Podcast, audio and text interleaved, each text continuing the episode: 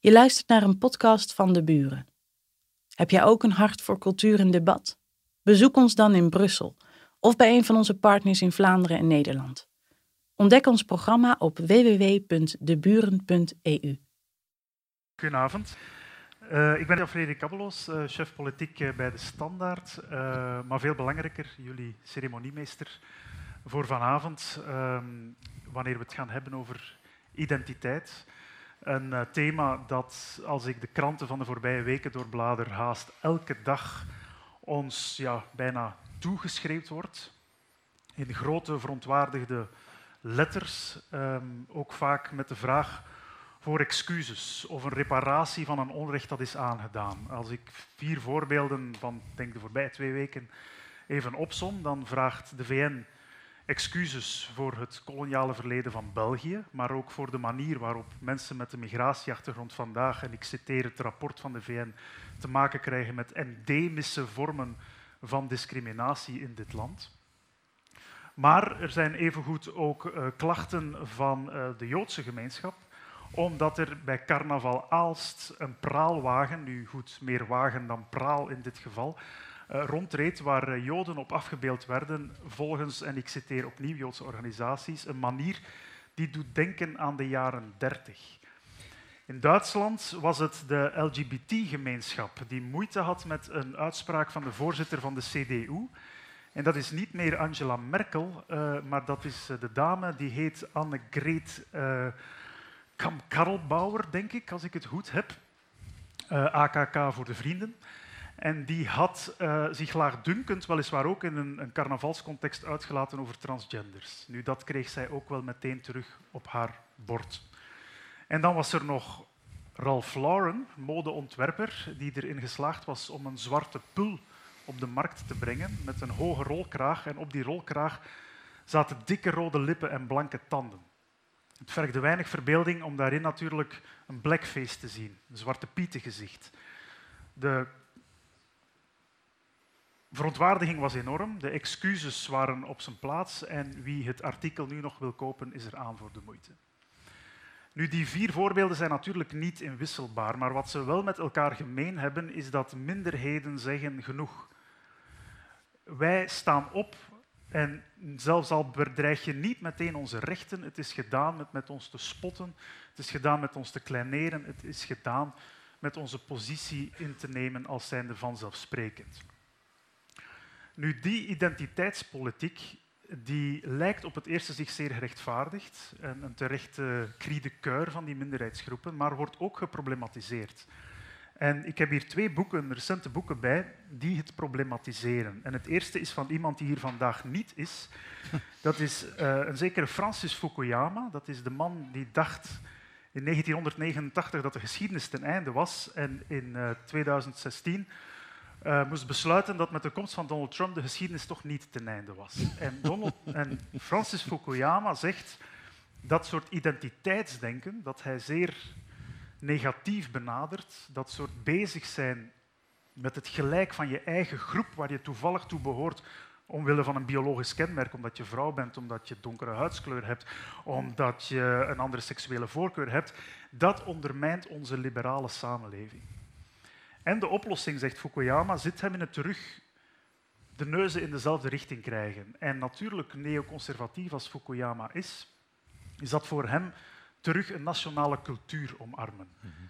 Eén taal, gedaan met uh, die, uh, dat, dat eigen, de eigen taal praten op school bijvoorbeeld. Ook één paspoort, gedaan met die dubbele paspoorten. Eén set waarden en normen, één lightcultuur, gedaan met die multiculturele uh, context. Dat is de oplossing van Fukuyama. De spreker van vanavond die denkt er anders over, maar die problematiseert het identiteitsdenken evenzeer. Maar hij stelt daar niet de nationale cultuur tegenover, maar wel de klasse. Dat is dit boekje, heel kort, korter dan dat van Fukuyama, maar ik denk krachtiger, van de man die we vanavond bij ons hebben, en dat is uh, Ewald Engelen. Uh, Ewald is uh, geograaf, uh, financieel geograaf uh, aan de Universiteit van Amsterdam. Is een beeldenbestormer van menig heilig huisje, bijna week op week in de Groene Amsterdammer, uh, kan je hem lezen. een gentleman hooligan, en iemand die recht voor de raap is, maar niet rechts voor de raap. Ewald, mag ik je al naar voren roepen? Nu, een debat zou natuurlijk niet tegensprekelijk zijn als we enkel Ewald Engelen uh, zijn uh, waarheid laten verkondigen. En daarom hebben we nog twee sprekers uitgenodigd. Uh, die op hun beurt de these van Ewald Engelen zullen aanvullen, zullen challengen, daarmee in elk geval in debat zullen gaan. En dat is enerzijds Mark Swingedouw, denk ik, hoeft voor vele mensen geen introductie.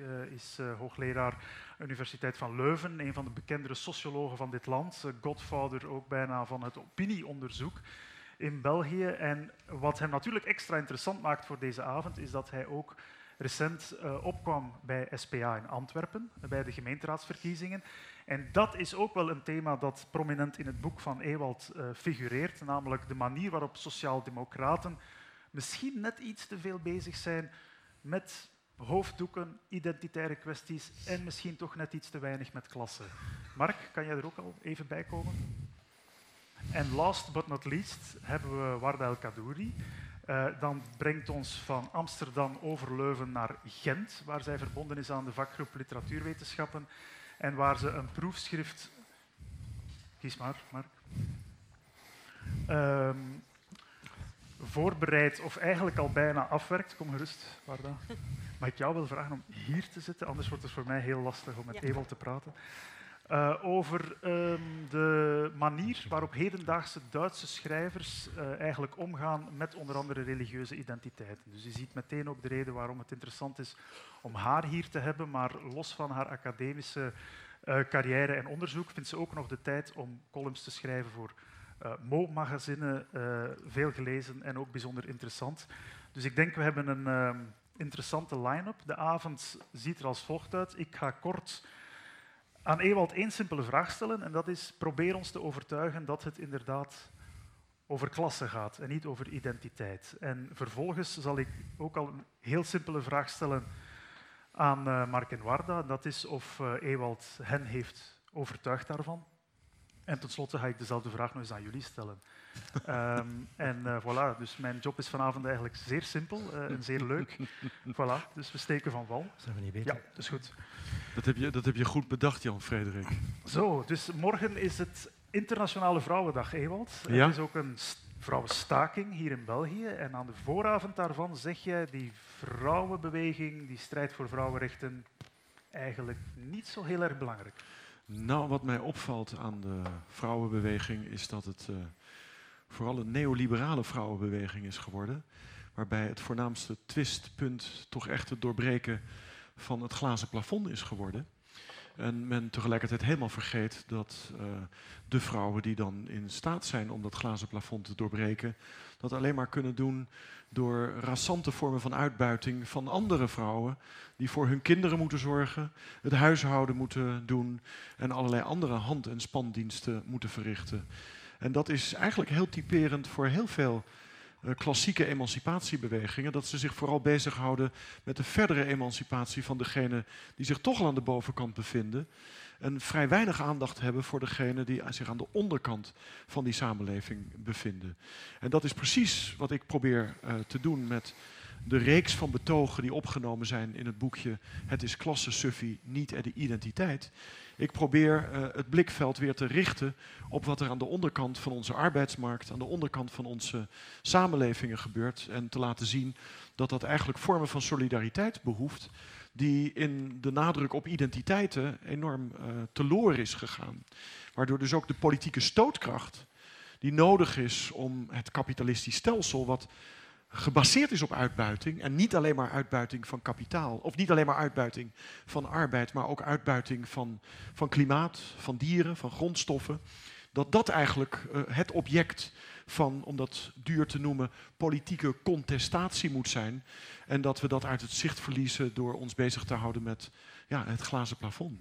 Wat onverlet wil laten dat ik morgenochtend uh, aan de Universiteit van Amsterdam uh, uh, drie speed dates moet doen met vrouwelijke collega's van mij die zich wat lager op de academische ladder bevinden, ten einde hen te helpen om ook hoogleraar te worden in het academisch bestel. Dat is mijn bijdrage aan Vrouwendag morgen.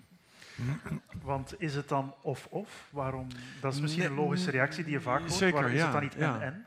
Nou, kijk, wat mij opvalt, en het is op zich wel aardig dat je, dat je begon met, eh, met Francis Fukuyama.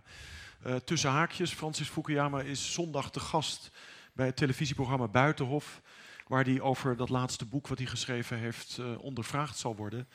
Want Fukuyama is natuurlijk vooral bekend vanwege het einde van de geschiedenis. En het einde van de geschiedenis was een Hegeliaanse these.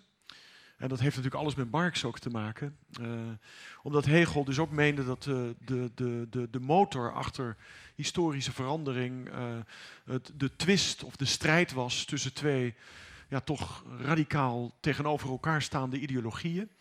En bij Fukuyama werd dat dan, om dat zomaar kort samen te vatten, de, de neoliberale ideologie. Een vrije, tussen aanhalingstekens, markteconomie en een liberale parlementaire democratie.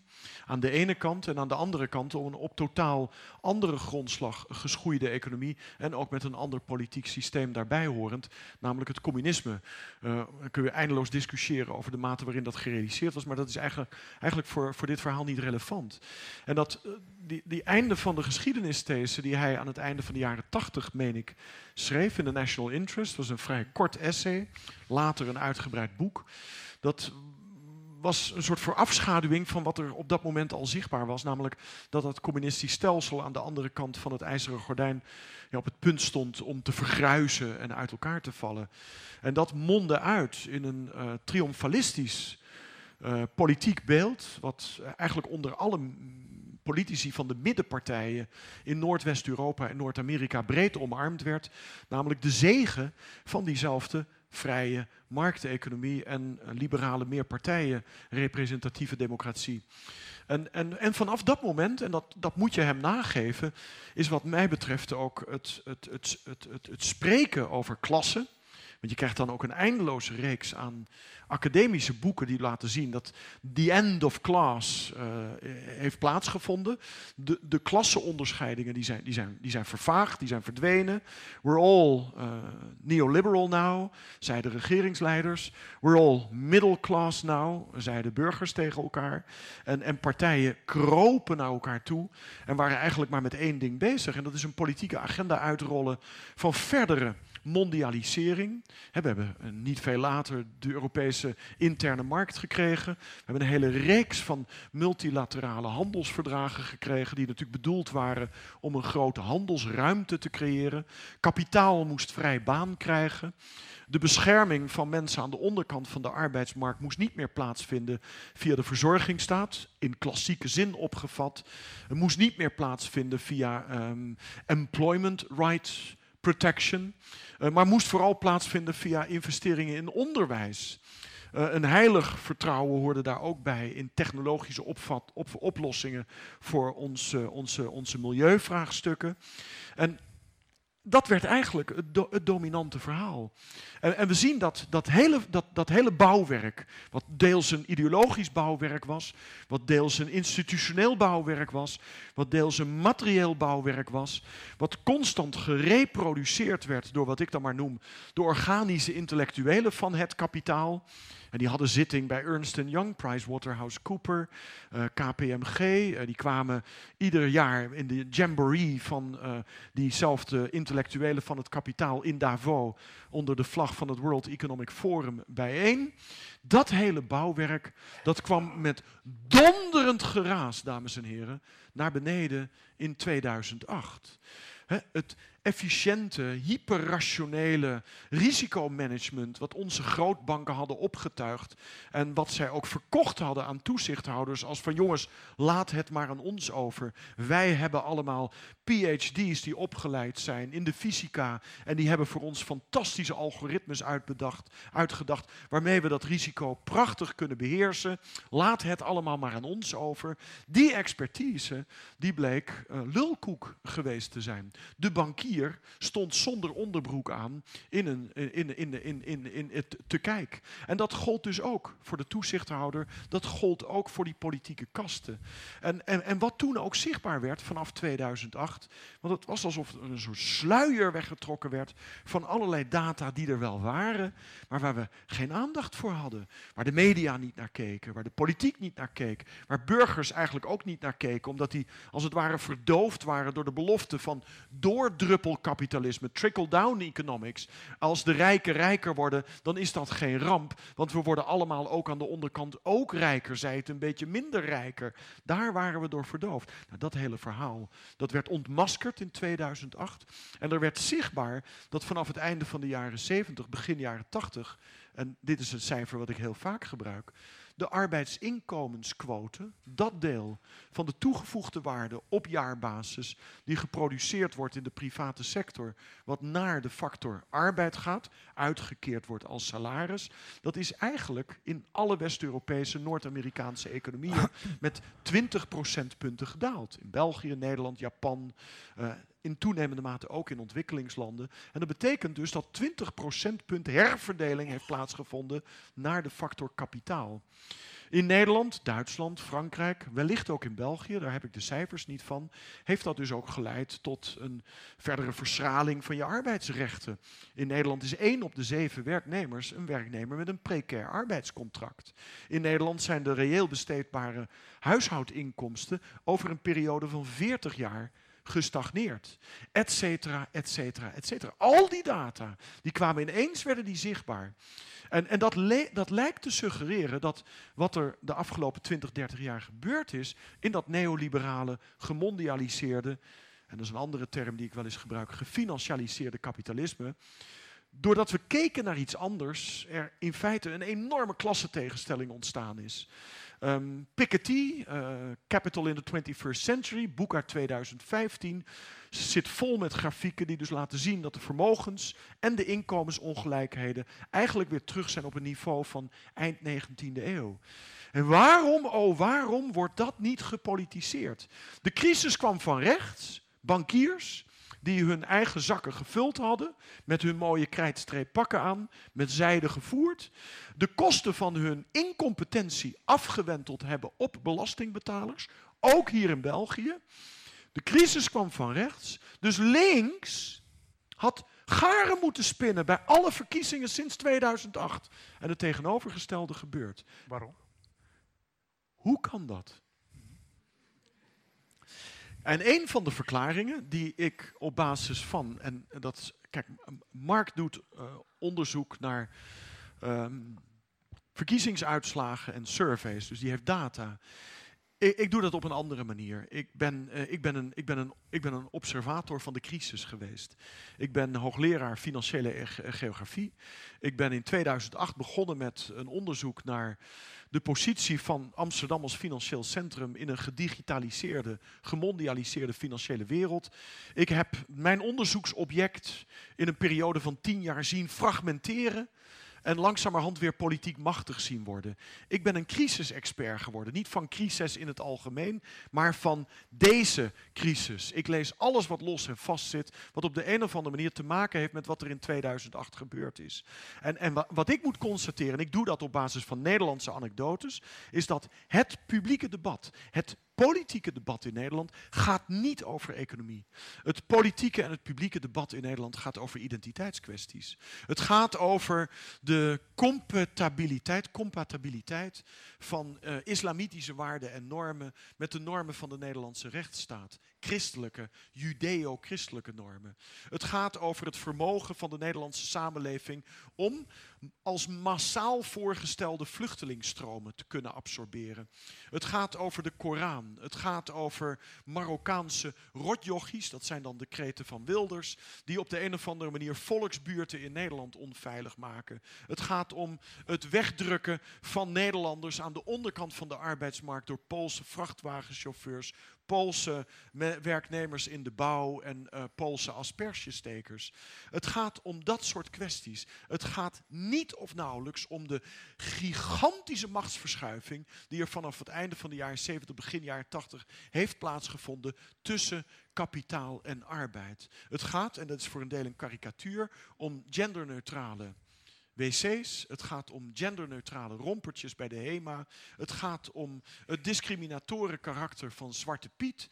En, en kijk naar de Nederlandse talkshows. Dit is het onderwerp waar expertise over bestaat bij de redacties, uh, bij politieke partijen en waar dus ook de Rolodexen met de namen waar redacties gebruik van maken, dus makkelijk gevonden kunnen worden.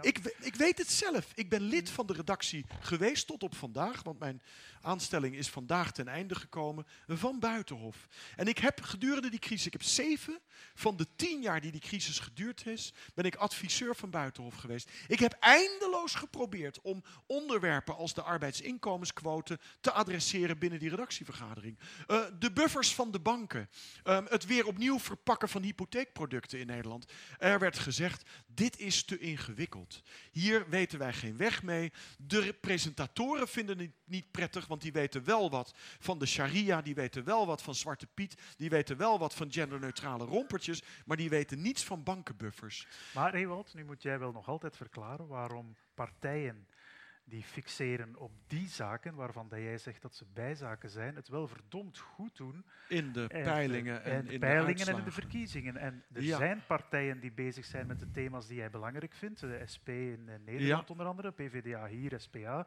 komen we straks nog toe. Ja, ja die doen het dan weer uh, al bij al niet heel florissant. Nee, maar wat er, nee, zeker. Er zijn volgens mij twee. Eh, de, de verklaring is wat mij betreft twee, tweeërlei. Uh, ten eerste, en ik weet niet in welke mate dat typerend is voor Nederland, maar dat is dat je te maken hebt met een neoliberale consensus onder de middenpartijen, waarbij eigenlijk ieder probleem wat veroorzaakt wordt door doorgeschoten marktwerking moet opgelost worden door de verdere radicalisering van diezelfde marktwerking. We hebben dat in de Europese Unie gezien rond TTIP en CETA. er was uh, sprake van te weinig economische groei in de Europese Unie en de eurozone. Dus wat gaan we doen? We gaan de handelsruimte voor het groot kapitaal verder vergroten. Marktwerking als oplossing voor het falen van marktwerking. We hebben het ook in de eurozonecrisis gezien, de eurocrisis. Wat was het recept waarmee de trojka de landen te lijf ging die niet meer konden voorzien in de financiering van de eigen overheid? Dat waren zogenaamde hervormingsprogramma's die erop neerkwamen dat de verzorgingsstaat kleiner gemaakt moest worden en dat er meer ruimte kwam voor marktwerking. Dat is één deel van de verklaring. Dan iets typisch Nederlands en dat is dat in Nederland um, economische besluitvorming uh, eigenlijk geoutsourced wordt door technocratische, gedepolitiseerde instellingen als het, en dat moet u even tot u door laten dringen, het Centraal Planbureau. Eh, de overheid heeft één economische adviseur. Daar zitten allemaal neoclassiek geschoolde economen die maar één blik op de economie hebben en die een groot model hebben gemaakt van de Nederlandse economie, waar allerlei politieke aannames in zitten. Die draaien uh, input, uh, die put, stoppen er input in, daar komt output uit. En dat is eigenlijk ons economisch besluitvormingsmodel. en, en dat, ik heb begrepen dat ook in België dat doorgevoerd gaat worden. Dus over economie wordt niet gesproken. En dat betekent over een periode van 30 jaar dat de gemiddelde burger, maar ook de gemiddelde politieke partij, de gemiddelde vakbond, eigenlijk geen zelfstandige basis van economische expertise meer heeft. Dus contra-expertise, als het gaat om het bekritiseren van de uitkomsten van zo'n centraal planbureau, dat is eigenlijk weggevaagd. Dat was er nog tot midden jaren 80. De Partij van de Arbeid, de Nederlandse Sociaaldemocratie, had een wetenschappelijk bureau wat over veel uh, heterodoxe, andersoortige economische expertise beschikte, dat bestaat niet meer. De vakbeweging had natuurlijk ook zijn eigen onderzoekscentra, die met eigen rapportage kwam. Uh, dat bestaat niet meer. De Nederlandse burger, en dat is het tweede deel van het verhaal, die is 30 jaar lang, 20 jaar lang, begint in Nederland vanaf de tweede helft van de jaren 90, eigenlijk onderworpen geweest aan één grote marketingmachine van identiteitspolitiek. De Nederlandse pers is zich vanaf het einde van de jaren negentig wild geschrokken um, over het gebrek aan aandacht voor wat er rond migratie met de Nederlandse volkswijken gebeurde. En het is heel wel mogelijk dat daar dus inderdaad problemen ontstonden rond het samenleven tussen mensen met verschillende achtergronden. Maar het is in Nederland volkomen doorgeslagen. Een, een, een, krant als de Volkskrant, wat een uh, traditionele links-liberale krant is, eventueel krant. Al die journalisten die zijn van oudere leeftijd, een jaar 40 of 50, die zijn zich rond de opkomst van Pim Fortuyn, begin 21ste eeuw, wild geschrokken. Die hebben allemaal een soort conservatieve draai naar rechts gemaakt. En dat betekent dat de Nederlandse kiezer, de Nederlandse burger, 20, 30 jaar lang blootgesteld is aan eigenlijk maar één type informatie en één soort debat. En dat is dat de breuklijnen in hedendaagse samenlevingen, in ieder geval de Nederlandse samenlevingen, die hebben te maken met identiteitsvraagstukken. En dat betekent dat diezelfde burgers, die missen de taal, de politiek-economische taal, om überhaupt iets te kunnen zeggen, laat staan denken of vinden van die dalende arbeidsinkomensquote. Ik sta in zaaltjes in Nederland en ik stel heel vaak de vraag als het gaat om dit soort onderwerpen. Wie van u in uh, de zaal kan mij vertellen wat de sharia is? En dan wil ik handen zien.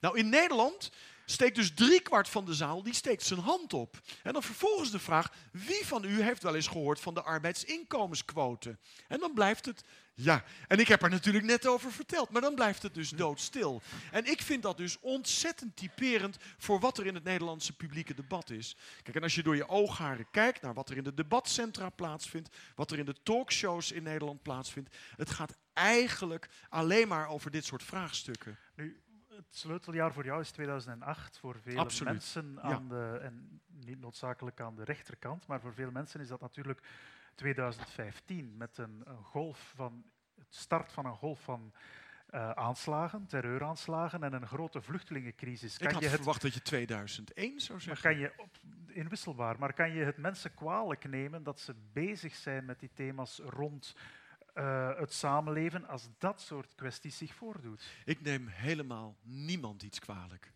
Wat ik constateer is dat de eenzijdige nadruk op identiteitsvraagstukken uh, de aandacht voor klassenvraagstukken heeft weggedrukt. En zeker sinds 2008, nu wij geconfronteerd worden met de perverse effecten van een geglobaliseerd, gemondialiseerd moet ik zeggen, gefinancialiseerd kapitalisme. En ik hoef alleen maar te wijzen op de enorme neocoloniale uitbuiting die plaatsvindt in de mondiale waardeketens die sinds het einde van de jaren 70 opgetuigd zijn door West-Europese en Noord-Amerikaanse multinationals. Ik hoef maar te wijzen op de steeds duidelijk zichtbare, uh, zich steeds duidelijk zichtbaarder wordende effecten op het gebied van klimaatverandering, die door datzelfde mondi gemondialiseerde, gefinancialiseerde kapitalistische stelsel plaatsvinden. Dan weet je dat het misschien wel eens uh, aan de orde zou kunnen zijn om de aandacht wat meer te richten op dit soort vraagstukken.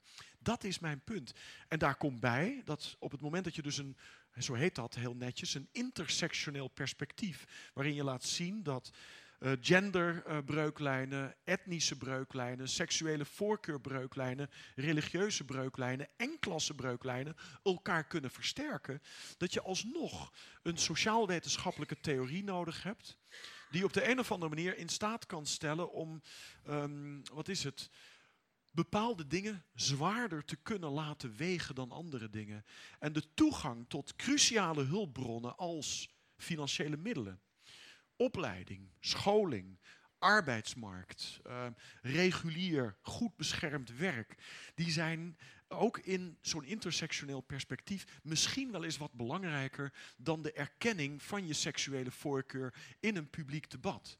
Um, en er zijn waarschijnlijk verschillende momenten, verschillende politieke momenten, verschillende politieke fasen, waarin de nadruk voor het ene dan wel het andere belangrijker is. Maar sinds 2008 heb ik in ieder geval het idee dat de aandacht voor de verdeling van die cruciale hulpbronnen als toegang tot financiële middelen, toegang tot goed onderwijs, toegang tot schoon water en goed voedsel, toegang tot goede huisvesting, toegang tot mobiliteit en toegang tot goede, goed betaalde, faire arbeid, dat dat op dit moment even iets belangrijker is. En dat is eigenlijk het kernpunt. En daar kan ik met data omheen. Ik bedoel, inderdaad, er hebben zich met name hier in uh, België natuurlijk een reeks van aanslagen voorgedaan. In Nederland niet, godzijdank.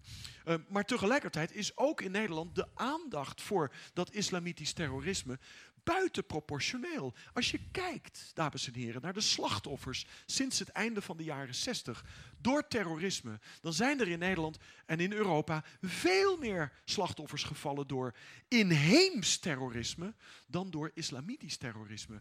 En je verwacht dan dat ook bij de aandacht daarvoor op de een of andere manier dit soort relativeringen publiekelijk bediscussieerd zouden worden. Dat gebeurt ten ene male niet. Het is enorm gericht op sensatiezucht. En daarmee zie je dus uiteindelijk ook dat de islamiet, de mensen die aanhanger zijn van of afkomstig zijn uit deze gebieden, weggezet worden als de ander. Terwijl met name zo'n klassenperspectief um, de lotgevallen van mensen aan de onderkant van samenleving en arbeidsmarkt ongeacht seksuele voorkeur, ongeacht gender, ongeacht identiteit, ongeacht religieuze voorkeuren, bij elkaar gebracht zou kunnen worden. Uiteindelijk heeft iedereen er baat bij dat de subjectposities die geproduceerd worden in het kapitalisme, met name aan de onderkant, die heel kwetsbaar zijn, dat die verdwijnen. Dat zou een groot goed zijn. En dan moet je niet bezig zijn met de mensen die die subjectposities uh, innemen, waarbij je eigenlijk zegt van als we gaan zorgen voor de vrouw, dan kunnen andere minderheden, die,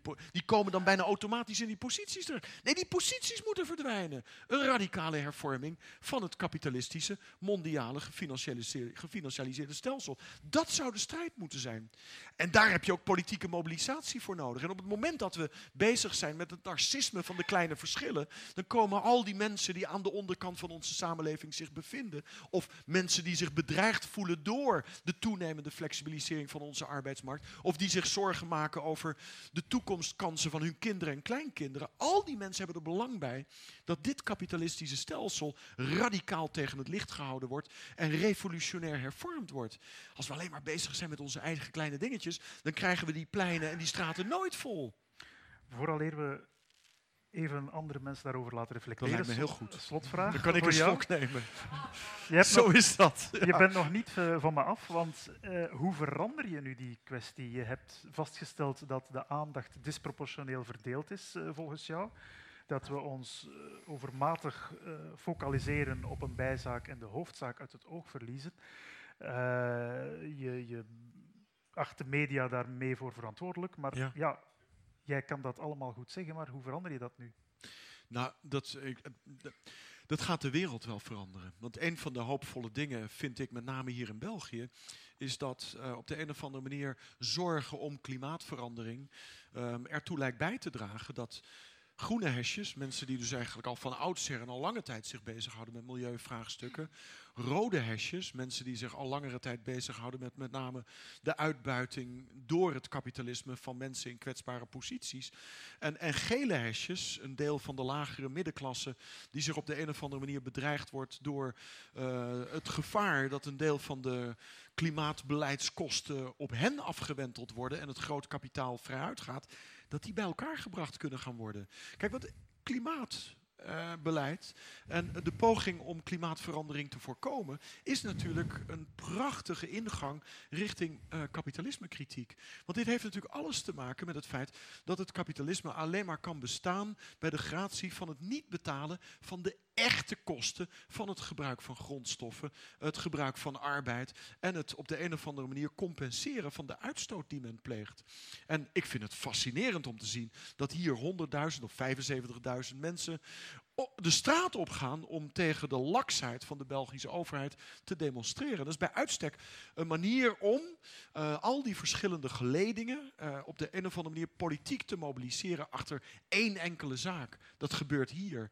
En ik ben uh, er heilig van overtuigd. We zien dus ook nu dat de groei binnen de eurozone in een heel hoog tempo aan het afkalven is. De ECB heeft vandaag in grote paniek bekendgemaakt dat ze de kwantitatieve verruiming gaat doorzetten. En ze hebben beloofd tot 2020 de rente niet te verhogen. Dat geeft aan dat het not all is well with capitalism. Uh, je ziet het ook in het Wereld Economisch Forum. De elite, de mondiale elite, die dus heel veel baat heeft bij het instand houden van het huidige systeem, maakt zich grote zorgen. De wereld gaat ervoor zorgen dat we gedwongen worden om ons bezig te gaan houden met de hoofdzaken.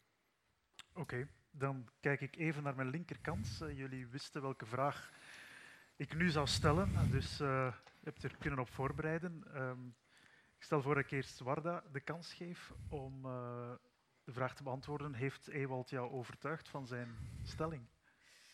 Deels. um, de verdienste uh, van um, je stellingen en van het boek, vind ik, uh, zit net in die compromisloze kritiek op het, het, kapitalistisch neoliberalisme. En daar volg ik je helemaal in. Um, en het feit dat dit niet als prioriteit staat op de politieke agenda en in media. Um, waar ik je niet helemaal in kan volgen is, um, en dat heb je eigenlijk heel de vraag van, van uh, Jan Frederik op heel eloquente wijze een beetje ontweken. Maar waarom is het, eh, waarom is het een, een, een of-of verhaal en geen en-en verhaal? En je stelt je de vraag, of ja, je, je zegt het is de klasse, Sophie, niet identiteit. En dan vraag ik me af, wie is hier dan die Suffie? Ik weet, het is polemiek, maar is het dan uh, die media waar je kritiek op had, die, die steeds identiteitskwestie op, uh, op de agenda zetten? Is het de politiek? Um, of is het die werkende witte middenklasse die zich heeft laten verleiden door, door de politieke agenda en het discours rond identiteit van extreem rechts? Of zijn het de activisten, de onderzoekers die strijden voor, voor gelijke rechten? uh, van um, homoseksuelen, van migranten, van vrouwen. Uh, dus daar zit ik een beetje met die vraag. Um, want in het laatste geval, daar zou, daar zou ik het niet mee eens zijn. Mm -hmm. um, want voor mij is de, de, de strijd voor gelijkwaardigheid um, is even legitiem als het vooropzetten van klasse op de politieke agenda. Um, en als ik kijk naar, uh, naar, naar de columns uh, die je hebt geschreven, dan begrijp ik niet zo goed de, de sneer die je soms geeft naar die kant. En, en je zegt het zelf, het is soms een beetje een karikatuur wat je maakt, het soort mhm. Piet-debat, het genderneutraal rompertje. Maar daarachter zitten natuurlijk wel um, heel existentiële en legitieme vraagstukken en niet zozeer van wie ben ik, niet het wie ben ik identiteitsverhaal, want dat is voor iedereen een persoonlijke zoektocht, maar wie mag ik zijn in de samenleving.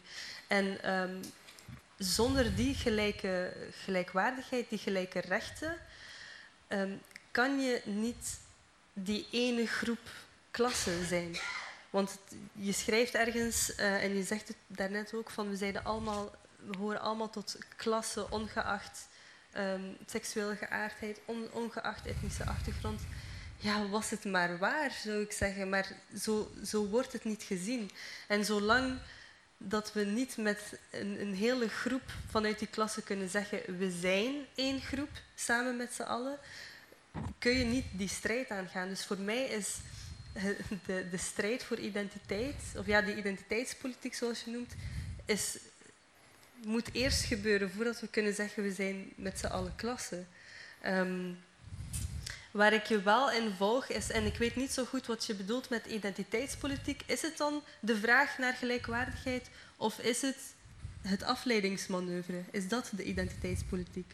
Want als het bijvoorbeeld, iedereen kent wel die grap van zodra dat er in Vlaanderen of in België wordt gesproken over het begrotingstekort, dan krijgen we op dezelfde dag nog uh, politici die plots gaan beginnen praten over het hoofddoekenverbod of oh, een burkini-verbod in het zwembad. En dan is plots heel dat verhaal over oei, er zijn rekenfouten in, de begroting, er is een probleem met onze begroting, die wordt helemaal naar de achtergrond verschoven. En als moslim zijnde, ja, mensen hebben bijna heimwee naar het tijdperk waarin het niet continu over moslims ging. Um, want dan word je ook zo'n soort van, van zondebok en het gaat continu over jou. Terwijl het enige wat je wil, is op een normale manier, op een, op een gelijkwaardige manier kunnen participeren in de samenleving. Dus wat is identiteitspolitiek precies? Is het uh, de vrouw die, die strijdt voor gelijke rechten? Is dat identiteitspolitiek? Is um, een, uh, een persoon met een migratieachtergrond uh, van Congolese afkomst die zegt dat Zwarte Piet verhaal, daar heb ik moeite mee? Of is het media en politiek die telkens identiteitskwesties gebruiken als afleidingsmanoeuvre om het te hebben over politieke economie? Dus dat zou mijn vraag, vraag zijn aan jou. Lijkt dat je toch een dikker boek mag gaan schrijven. Hè? Ja, zeker. Nee, absoluut. Ja, ja, ja, Dat is natuurlijk altijd heel mooi om zo'n uitnodiging te krijgen. Mhm. Wil, wil, je dat ik meteen antwoord? Dat is misschien, ja, dan vergeten we de vraag. Ah, kijk, wat, juist. Um, je hebt, uh, je hebt uh, de vraag heel uh, elegant geformuleerd, die mij dus ook heel goed in staat stelt om daar een antwoord op te geven. En het is inderdaad dat afleidingsgebruik wat ik aanval. Um, dus, je ziet het in Nederland ook. Op het moment dat het dus gaat om economische vraagstukken, dat eigenlijk vrij snel en vrij makkelijk de media ja, wat is het, uh, hoofddoekjesachtige onderwerpen inbrengen ten einde het daar niet over te hoeven hebben.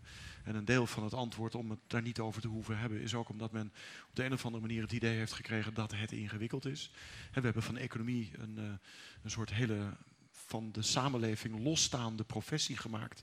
En een van de samenleving losstaand ding met een eigen jargon en een eigen vocabulaire. Uh, waar uh, het gewone volk wat naar de televisie kijkt eigenlijk niet mee lastiggevallen moet worden. Um, dus dat, dat, dat, dat zit ook eigenlijk, dat heeft te maken met de, interne logica van, van de media. Maar het wordt door politici ook gewoon doelbewust gebruikt. Ik bedoel, als je kijkt naar de PVV van Geert Wilders in Nederland, dan is dat, um, het is rechts, progressief, xenofoob, nationalistisch op culturele onderwerpen. Eigenlijk ook zeer conservatief op culturele onderwerpen. Alhoewel het ingewikkeld is, omdat het ook bijvoorbeeld homoseksualiteit omarmt als een kenmerk van de Nederlandse samenleving, waar moslims dan moeite mee zouden hebben. Dus dat wordt ook weer gebruikt om moslims uh, in het verdomhoekje te plaatsen. Maar als het gaat om economisch beleid, sociaal-economisch beleid, is het door en door neoliberaal. En uh, het, het, probeert dus een deel van de achterban die zitten in witte mensen, die zitten in kwetsbare posities, naar die partij toe te trekken. Terwijl het tegelijkertijd economisch beleid ondersteunt wat de belangen, de economische belangen van de eigen achterban, eigen achterban schaadt. Daar heb ik hele grote moeite mee. Uh, en heel veel activisten die zich bezighouden met uh, Zwarte Piet of die zich bezighouden met de antiracismestrijd, ja, die doen dat vanuit zeer integere motieven. En die zijn inderdaad aan het strijden voor gelijkwaardigheid en erkenning van hun anders zijn in een samenleving die steeds pluriformer en diverser aan het worden is. Dat laat onverlet dat dit niet across the board geldt voor alle emancipatiebewegingen. Want ik heb wel degelijk moeite met uh, met name uh, de, de, de, de laatste manifestaties van het feminisme, die zich heel erg richten op dat glazen plafond.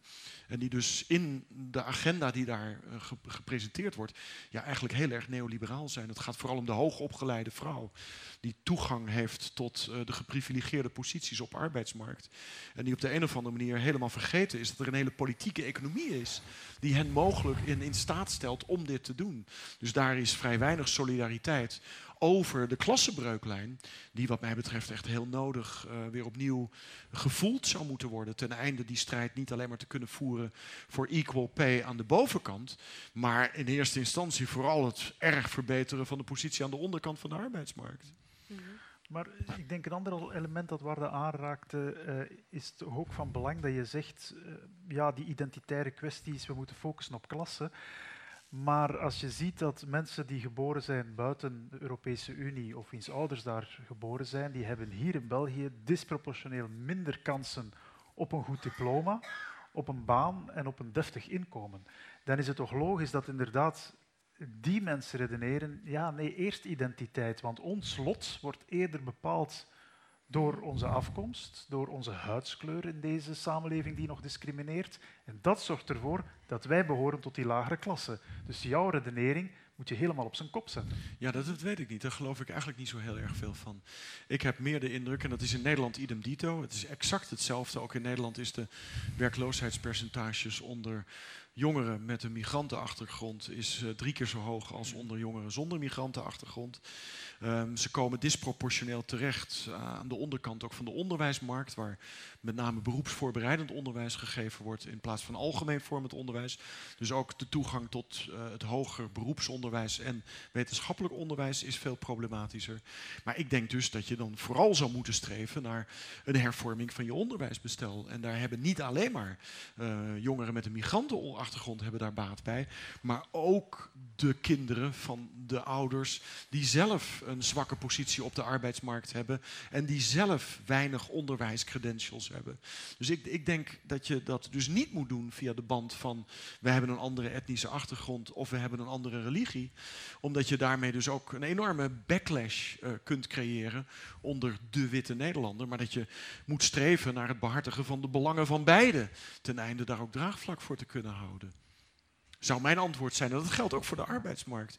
Ik bedoel, men komt moeilijker aan een baan. Men heeft een minder, uh, vaste arbeids, minder vaste arbeidscontracten. Lagere betaling. Maar dat komt ook omdat men terechtkomt in ja, wat op dit moment in Nederland een enorme precaire sector geworden is. Nou, wat moet je dan doen? Dan moet je ervoor zorgen dat die precaire sector kleiner wordt. En dat is in hele belangrijke mate de hervormingen, de neoliberale hervormingen, die met uh, paarse kabinetten begonnen zijn midden jaren negentig die moeten voor een deel teruggedraaid worden. Daar zit het probleem. Want weer niet alleen maar de jongeren en de mensen met een migrantenachtergrond hebben daar last van, maar ook de lager opgeleide witte Nederlander. Als je dat niet bij elkaar neemt, ja, dan, dan ben je weg. Dan ben je dus echt bezig met een versplintering van je samenleving. En dat is voor de factor kapitaal, laten we wel wezen, dat is een paradijs. Want dan kan je ze tegen elkaar uitspelen. Overtuigd? Ja, nu is het wel een en-en verhaal. ja, maar, maar, dat is wat ik, maar, maar, dat is eigenlijk wat ik al die tijd suggereer. Ik bedoel, de hervorming van het kapitalisme. Waarmee dus die posities, die in feite, ja, wat is het, uh, zwakke um, zwakke posities zijn weinig hulpbronnen bevatten om een zelfgekozen leven uh, te kunnen leiden, die moeten weg. Die moeten gewoon bestreden worden. En dat betekent dus inderdaad dat je moet nadenken over uh, verandering van de regelgeving op je arbeidsmarkt. Uh, de huizenmarkt moet veranderd worden. Sociale huurwoningen moeten weer goede woningen zijn in Nederland. Um, er moeten weer faire salarissen betaald worden bij. En dat betekent dus ook dat wat, wat, wat echt enorm doorgeslagen is in Nederland, doen we loonmatiging. We hebben vanaf het einde van de jaren 70, begin jaren 80, is het merendeel van het het beleid wat gevoerd is, of het nou conservatief-liberaal was of sociaal-democratisch, maakte eigenlijk niet uit. Het ging alleen maar om kwantitatieve meeteenheden. Daar werd het succes van het beleid. Werkgelegenheid, werkgelegenheid. Het interesseerde ons geen reet. Wat voor werkgelegenheid? Het interesseerde ons niet of het een goed salaris gaf. Nou, de effecten zijn zichtbaar. En het kapitaal lachte in zijn vuistje. In Nederland zitten bedrijven op uh, spaartegoeden van wereldhistorisch niveau. Bijna ter waarde van 10% van het bruto binnenlands product. 70 miljard euro aan dood kapitaal staat op de bankrekeningen van het grootkapitaal. En dat komt alleen maar omdat ze de politiek zo gek hebben gekregen om ja, de, de, de machtspositie van de factor arbeid is aan alle kanten uitgekleed. En ze hoeven geen belasting meer te betalen. En ze hebben toegang tot het torentje van Mark Rutte. Als Unilever vraagt om afschaffing van de dividendbelasting, dan gaat Rutte de dividendbelasting afschaffen.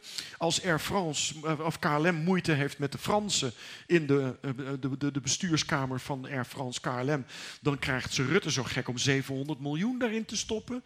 Ik bedoel, dat is wat er gebeurd is. En dat moet bestreden worden. En dan gaat het niet alleen maar om de positie van de allochtoon of de migrant op de Nederlandse arbeidsmarkt. Dan gaat het om een structurele, systematische verzwakking van de factor arbeid. Mark, wat vind jij ervan? Hm, wat vind ik ervan? Ik ben het eens met het idee dat uh, maatschappelijke problemen zouden verduidelijken als we die meer sociaal-economisch zouden gaan analyseren en gaan duiden. Dus daar ben ik het volledig met uh, Ewald het eens. Ik ben het echter niet eens met zijn centrale stelling in zijn boeken en zijn columns. En niet alleen in deze columns, maar ook in de andere columns die je niet in het boek hebt genomen. Ja. En eigenlijk is die centrale stelling het succes van extreem rechts. Dat is te danken omdat linkse politici geobsedeerd zijn door identiteit, dat, terwijl ze sociaal-economisch gewoon een uh, neoliberaal beleid uh, voeren. En die twee, dat maakt dat de sociaaldemocratie verdwijnt en dat extreem rechts of etnopopulisme naar voren komt. ik spreek hier vandaag heel duidelijk niet als een politicus, maar als een socioloog die probeert een sociaal-wetenschappelijke theorie te ontwikkelen die kan verklaren waarom dat etnopopulistische partijen uh, groeien in deze samenleving en waarom dat sociaal-democratische of christendemocratische uh, partijen, noemt u maar op, eigenlijk aan het verliezen zijn. En dat komt volgens mij moeten dat uh, verder duiden dan 2008. Dat gaat eigenlijk over een fundamentele verandering van onze samenleving. Dat is namelijk de crisis van wat wij genoemd hebben de georganiseerde moderniteit naar een samenleving waar begrenzing en structurering eigenlijk weggevallen is. Laat me even uh, duidelijk maken. Moderniteit na de Tweede Wereldoorlog, gebaseerd op wij-identiteiten, gebaseerd op de uitbouw van de welvaartsstaat, een sterk geloof in de vooruitgang. Uh, we zijn na Wereldoorlog 2, we, hebben de crisis van de jaren 30 meegemaakt, we willen dat nooit meer terug uh, meemaken.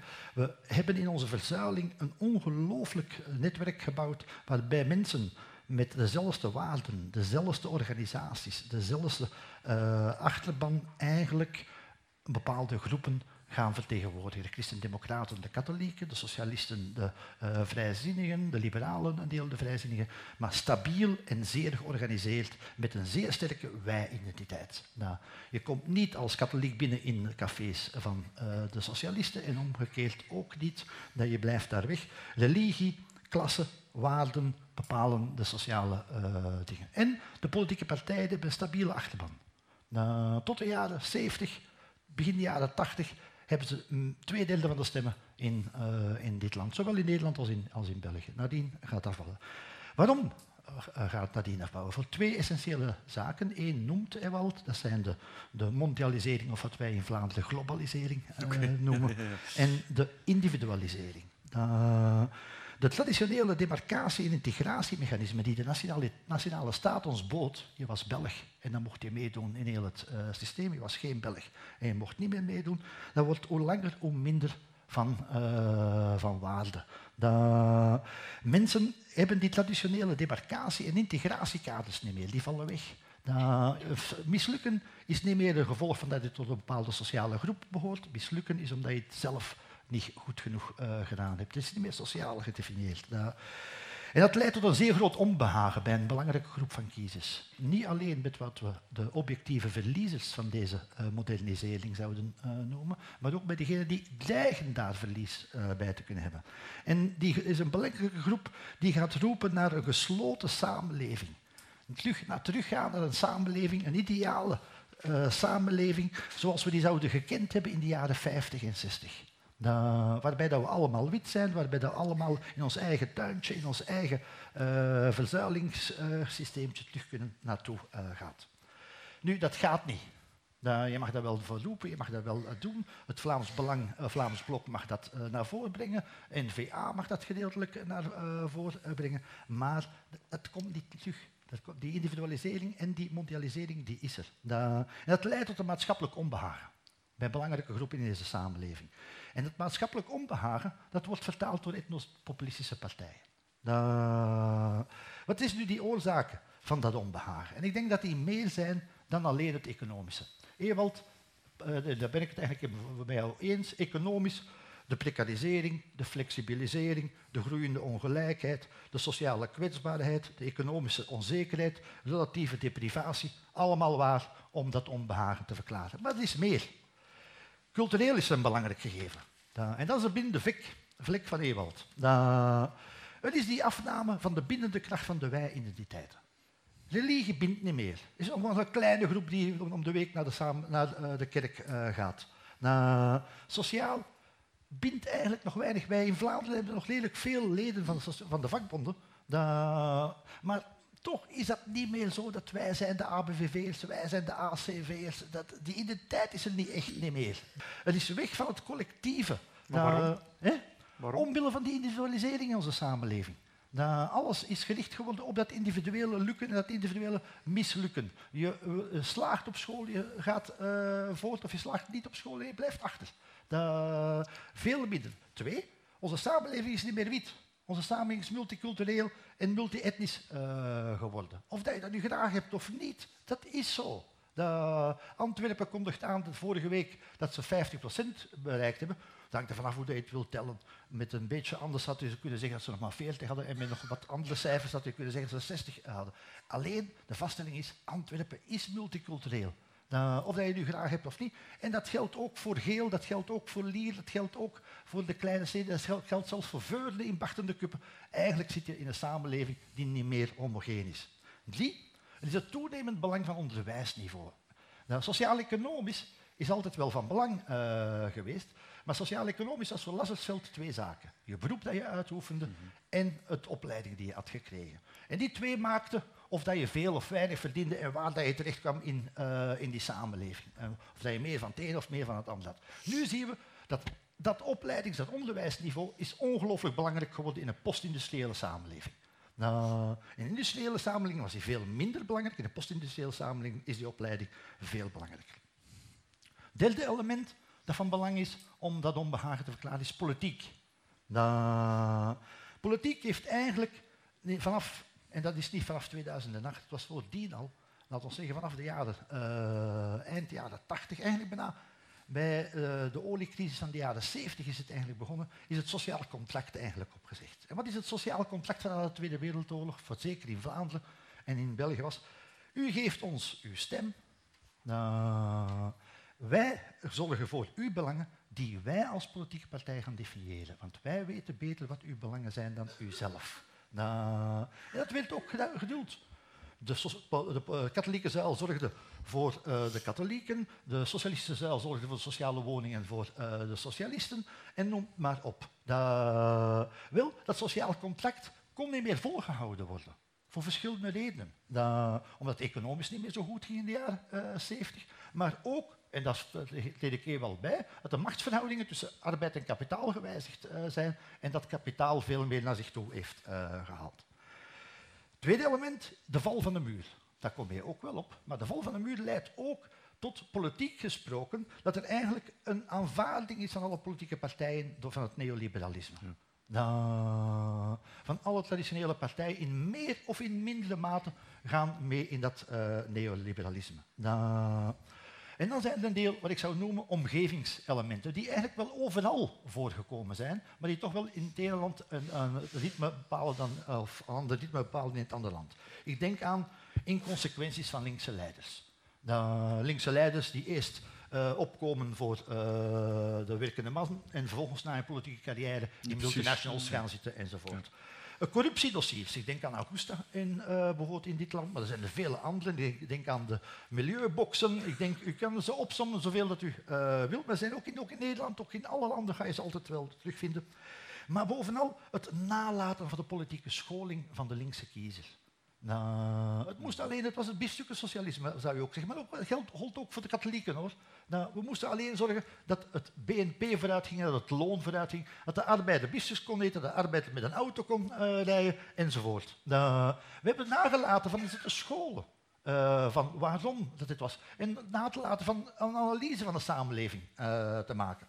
En last but not least, we hebben de politieke partijen verwaarloosd. Politieke partijen zijn eigenlijk marketingmachines uh, geworden. En als we dat op, op de sociaaldemocraten in dit land toepassen, dan zien we dat bij Bos in Nederland, dat die eigenlijk afkomt met een zeer sterke uh, marketingcampagne. Patrick Janssen dat even overdoet uh, in Vlaanderen. Wel, die zaken maken eigenlijk dat je het krijgt dat een onbehagen eigenlijk kan plaatsgrijpen en dat je etnopopulistische partijen krijgt die gaan groeien.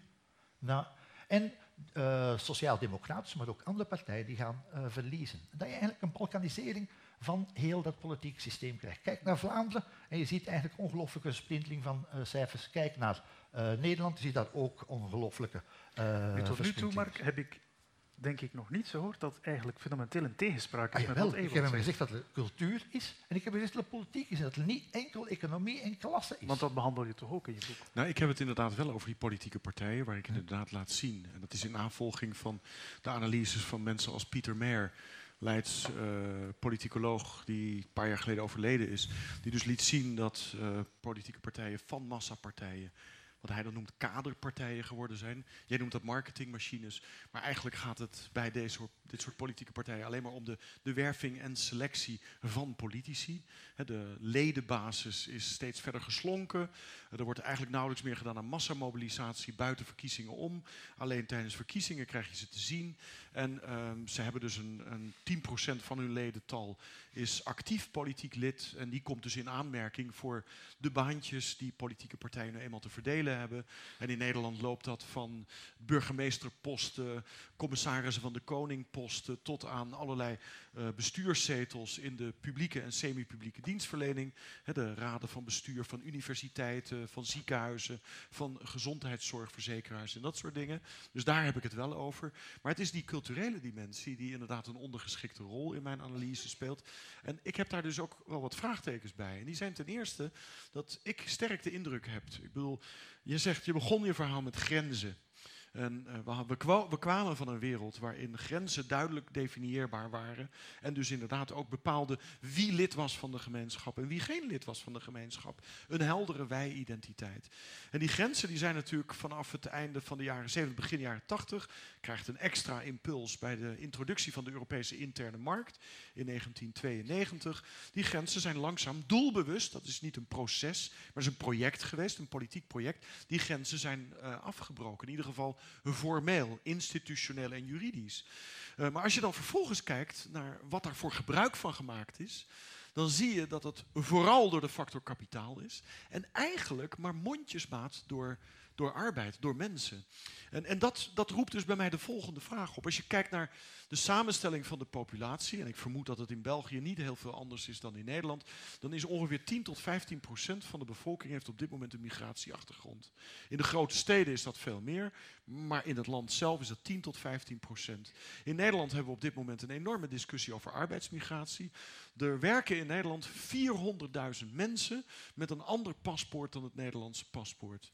Die zitten voor een deel aan de bovenkant in de financiële dienstverlening, creatieve industrie. Zitten ook aan de onderkant asperges steken, bouw en allemaal van dat soort dingen.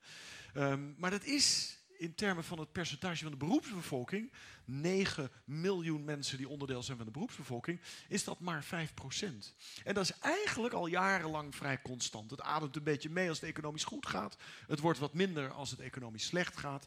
En je vraagt je dan af in welke mate deze toch tamelijk geringe percentages. In de Europese Unie, by the way, is het grensoverschrijdend verkeer van, van arbeid 2 tot 3 procent op jaarbasis, dat is niet heel hoog. Hoe komt het dan toch dat we het enorm vaak hebben in het publieke en politieke debat over de mogelijke effecten van uh, arbeidsmobiliteit, terwijl kapitaalmobiliteit, het is echt vele malen groter. Nederland kent 14.000 brievenbusmaatschappijen waar op jaarbasis 4500 miljard euro doorheen gaat. Dat is, even uit mijn hoofd, dat is ongeveer 7 tot 8 keer het bruto binnenlands product van de hele Nederlandse economie. Dat is gigantisch. De vijf grootste beursfondsen in Nederland, Heineken, Unilever, uh, Delta Lloyd uh, en nog wat van dat soort bedrijven, die hebben over de laatste 15 jaar hun totale werknemersbestand in Nederland met 70 tot 80 procent gereduceerd.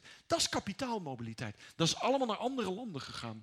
Daar hebben we het nauwelijks over. We hebben het wel, in mijn ogen, over de geringe effecten van wat uiteindelijk ook maar geringe en behapbare stromen aan mensen zijn die van buiten Nederland naar Nederland komen. En we hebben het niet of nauwelijks over de veel grotere effecten. Wordt verdiencapaciteiten, arbeidsrechten, arbeidszekerheden, kwaliteit van het onderwijs. Want dit heeft direct ook gevolgen voor de belastinginkomsten van de Nederlandse overheid. Waarom hebben we het daar niet over? Daar ben ik het volledig mee eens, want dat is nu, nu net wat de etnopopulisten doen. Zij geven aan die mensen die met ongenoegen zitten een uh, stem. Zij laten die mensen terugspreken als zijnde een homogene uh, groep die uh, zegt dat zij kunnen weten waarover het gaat, dat zij het gezond verstand uh, hebben, dat zij lak hebben aan politieke correctheid, die, ze, de, die groep laten afzetten tegen enerzijds de elite, want de elite is altijd uh, Zeker. slecht. En anderzijds tegen de etnische minderheden. En dat spel wordt continu gespeeld tezamen met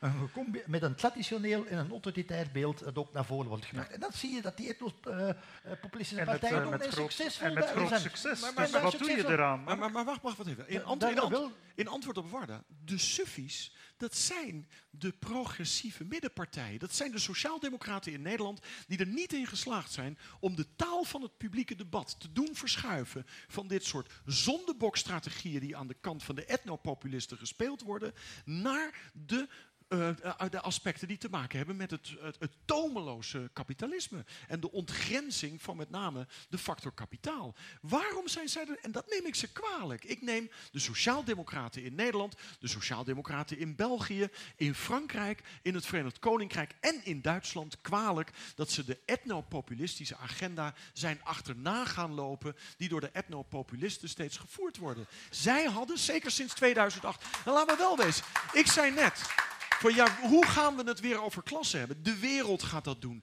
De wereld heeft één grote uitnodiging aan de sociaal-democratische partijen in Europa gegeven in 2008. Jongens, na de Twin Towers laten we het nu eindelijk eens gaan hebben over de ontgrenzing van de factor kapitaal. En wat dat doet met planeet, met milieu en met de kwetsbaarheid van mensen. Op de... En ze hebben het niet gedaan. Daar ben ik En hoe komt dat nou? Daar ben ik het volledig Misschien, mee om eens. het, even, misschien om het even te vertalen naar de Vlaamse context. Misschien moet in zijn volgende interview bij de Zondag John Crombie het niet hebben over het terugclaimen van de grenzen ten opzichte van migratie, maar ten opzichte van kapitaalsmobiliteit. Absoluut. Ik eh, wil John Crombie absoluut niet verdedigen. Ik ga me ook niet, ook ja. niet verdedigen. De, wat, wat ik eigenlijk zeg is van, laten we eens gaan denken over oplossingen. Alleen Mhm. zeggen het is klasse, lost niks op volgens mij. En ik ga verder terug dan 2008. Ik heb nog een beetje de jaren 80 meegemaakt. Ik heb Mitterrand nog meegemaakt. Dat zei het dat ik een snotaap was, maar ik heb hem toch nog meegemaakt. De, en Mitterrand komt in eh, 1980 of 81 aan de macht met een zeer links programma. Een programma waar nationalisering in staat. Een programma waar arbeidsuurverkorting verkorting in staat naar de 30 uur eh, week met behoud van loon. Met eh, belastingen op het kapitaal en noem maar op. Regering Morois komt er. Twee jaar later, stop het. De Morois wordt vervangen, de naam ontglipt me op dit moment. Ja. De- en er wordt een, eh, een centrumbeleid gevoerd. En dat eigenlijk, eh, nu zou je kunnen zeggen van, het is een richtingaanvaarding van eh, de sociale, van de markt geweest. Met andere woorden, het voorbeeld van Frankrijk geeft aan een, een klassenpolitiek op nationale basis, dat lukt niet meer. Da- dat is ons. En sinds dan heeft de Europese Unie alleen voor gezorgd dat er nog meer mogelijkheden van eh, kapitaal eh, en mobiliteit komen. Dus het idee van we gaan binnen een nationale staat dat omturnen, vergeet het. Als we het kunnen omturnen, zal het op Europees niveau kunnen zijn. En wat je de sociaal-democraten kunt verwijten, is dat ze in 1989 eigenlijk heel sterk stonden binnen de Europese Unie. Ja. Da- Ja. En dat ze eigenlijk nagelaten hebben van het sociaal Europa. Helemaal. eh, doen. Ja. Daar ben ik het volledig mee eens met, die, met die kritiek. Da- en ik ben het ook volledig eens met de kritiek dat het te veel aangaan van de derde weg. En ik moet zeggen, in Vlaanderen is het toch, in België is het toch een uh, uitzondering op dat verband, want wij hebben eigenlijk alleen maar activeringspolitiek van die derde weg overgenomen. Maar dat is iets anders. Maar het idee van, we hadden gezien, of de Sociaaldemocraten hadden gezien, dat Clinton de verkiezingen had gewonnen met eigenlijk een relatief eh, rechts programma. Het wordt overgenomen door, eh, door Labour en het wordt overgenomen door velen binnen de Europese Unie en men wint de verkiezingen. Men wint die verkiezingen op basis van, dat, van die programma's. Da- en men laat na van een sociaal-democraat, van een sociaal Europa te organiseren. Duidelijke analyse, verkeerd. Maar daar zijn we niet veel mee. Nee. Van dat op dit moment eh, Nee, maar- te zeggen. nee, maar- maar- Da- maar- maar- wat we op dit moment moeten gaan doen, en dan zie ik, van, als ik dan lees in het boekje van eh, Ewald wat hij eigenlijk vraagt, dan ben ik daar toch wel een beetje... eh, we hebben daar wel moeilijkheden mee. Eigenlijk komt het bijna op Mag neer... ik even reageren op ehm, je opmerking over eh, arbeidsmigratie en die brievenbus? eh, dus de angst dat mensen veel meer het willen hebben over eh, arbeidsmigratie, arbeidsmobilisatie en niet zozeer over die, die shell companies en Ja, die brievenbus. Dan denk ik daar toch wel weer is blijkbaar identiteit dan toch wel weer belangrijk. Want ik denk dat waarom mensen het daarover willen hebben, is eh, het idee van we hebben al een keer arbeidsmigratie gehad. En toen zijn er allemaal andere mensen naar hier gekomen en ze zijn blijven plakken en we willen dat niet opnieuw. En ik denk dat dat een heel emotioneel debat is. Terwijl ja, een brievenbus uh, dat, daar hebben we geen voeling mee. Daar kunnen we ons niet, niet echt iets bij voorstellen. Dat heeft echt te maken met, menselijk, met menselijke cognitie. En waarom hebben we het over bijvoorbeeld, je noemde daarnet Marokkaanse rotjochies en boefjes. Dat is, als we het hebben over de criminaliteit in Nederland, gaat het daarover. Dan gaat het daarover. Is het, het niet over witte boordcriminaliteit. Nee, precies. Nee, het gaat niet over belastingontduiking. Ja. Maar, maar, vind jij dan niet, ben je dan niet met me eens dat daar ook een verantwoordelijkheid ligt voor de pers en voor politici? Want ook politici die hebben het eigenlijk alleen maar over dat ene. Die hebben het nooit over die brievenbusmaatschappijen. Want ik snap wel dat het ene is concreet en dichtbij en die brievenbusmaatschappijen, dat is schimmig en ver weg. Maar dat ligt ook aan de manier waarop we erover praten. Als we als politicus of als media veel meer aandacht zouden hebben voor wat de effecten zijn en wat daar precies gebeurt, dan kan dat ook concreet gemaakt worden. Dus je, je creëert als het ware datgene wat je, uh, wat, je, wat, je, wat je eigenlijk niet zou willen hebben. Ja, maar die corrigerende houding of beweging... Bij de pers is er niet. Die is er niet. Nee. En het, het, het enige gevaar wat ik zie bij, bij jouw boek ja. is door te zeggen uh, dat identiteitsdebat even weg ermee en we gaan ons focussen op klasse, is dat, dat het ook zal misbruikt worden door extreem rechts door te zeggen, zie je wel, al die identiteitskwesties, de homo, de migrant, de vrouw, zij zorgen ervoor dat we het niet over de echte problemen hebben. Dus dat, dat, dat jouw boek een soort van of legitimatie, een legitimatie wordt, wordt om, dat, om, om opnieuw een zondebok te creëren en opnieuw dat, dat, dat identiteitspolitiek te voeren tegen identiteitspolitiek, zeg maar. Dus daar, daar zie ik een... Nee, dat gevaar dat is inderdaad aanwezig. Ik heb, ik heb ook niet een goede strategie hoe ik met dat gevaar om moet gaan. Dat, dat weet ik niet. Dat merk ik inderdaad. We moeten bijna naar de zaal, maar Mark stond net op het punt om de oplossing te geven. Ja. Voor ja, maar nee, Sorry. Ja, maar nee, ik wil, daar wil ik nog wel wat over Sociaal-democratie, dus je hebt één minuut, Mark. Om wel, nee, uh... wel, als ik de sociaal-democratie een, een, advies zou moeten geven, zou ik zeggen, maak duidelijke standpunten over milieu, immigratie en integratie en wees niet kritiekloos ten aanzien van Europa. Maar zorg ervoor dat, dat Europa slaagt dat, en wees kritisch voor uh, mondialisering. Maar anders gezegd, als ik naar de oplossingen kijk die ik krijg langs Frank om, langs, uh, in ja. dat stuk, dan zeg ik stop met de handelsverdragen. Ja, ik vond wat uh, hier, hier, gebeurd is door uh, de, de, burgemeester van Charleroi, Paul Magnet. Paul Magnet prachtig dat hij daar een deel zaken uh, gedaan heeft. Maar wat Trump vandaag doet, vind ik absoluut niet wat we, dat we de weg zouden moeten uh, gaan om al terug handelsoorlogen en nationalisme economisch te gaan doen. Twee, leg de banken echt aan banden. Ja, dan kom eens mijn programma, mensen. Links, nog de PES, de Europese partij, nog andere politieke partijen, elk individueel, nog extreem links, is mijn serieus programma gekomen van wat we nu moeten doen. Nee voor, uh, om de banken aan banden te leggen. Nee. Komt dan eens mijn programma erover. Die. Maak onderwijs en gezondheidszorg publiek. Ja, maar jongens, ik wil niet de gezondheidszorg van de UK hebben. Hè? Dan laat ons dan maar even de goede gezondheidszorg van die, die privaat is uh, voor blijven uh, zitten. Herindustrialiseerde economie. Ja, maar laten we eens even denken aan het klimaat. Uh, investeren in infrastructuur, daar zijn we het op over eens. Keynesiaanse uh, politiek. Dan veeg de Argustal van Washington met zijn draaideuren, campagne, dotaties, corrupte elite en lobby, circus schoon. Ja, dat is puur populisme. Dan, Drain the swamp. Dan, dus wat mijn ding is van, eigenlijk... Maar is dat we gaan, als we, als maar, we maar alleen, Mark, is dat, is we gaan, dat, is we gaan het niet oplossen bij alleen terug naar klasse te gaan. We gaan het oplossen met meer te denken van hoe kunnen we dat veranderen. Daar gaan we twee dimensies voor moeten gebruiken. We gaan de sociaal-economische moeten gebruiken, daar ben ik het volledig eens mee. Maar we gaan ook een sociaal-culturele moeten gebruiken. Nou, en die twee ten dele tezamen.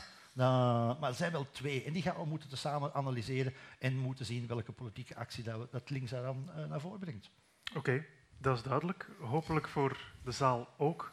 Maar ik stel toch de vraag of... Uh, ja, iedereen overtuigd is door het betoog dat jullie hier gehoord hebben, of toch nog zitten met uh, prangende vragen. En het is steeds de vaste disclaimer op zo'n avond, maar graag vragen, geen uh, betogen. Meneer, stel maar de uh, vraag. Goeie, goedenavond. ik heb een vraag voor Ewald die heel eenvoudig is. Vorig jaar was het het Marxjaar, een, een verjaardag. Zou je jezelf als Marxist omschrijven? En opgelet, ik ben van opleiding onder meer filosoof, dus ik, ik bedoel dat niet als scheldwoord. Dat is één vraag voor Ewald. Ik heb ook een vraag uh, voor, voor Mark. Um, in feite, als ik uh, Ewald goed begreep, dan zegt hij volgens mij terecht dat dus hij niet begrijpt waarom de linkse partijen geen hout kunnen snijden van eh, de crisis.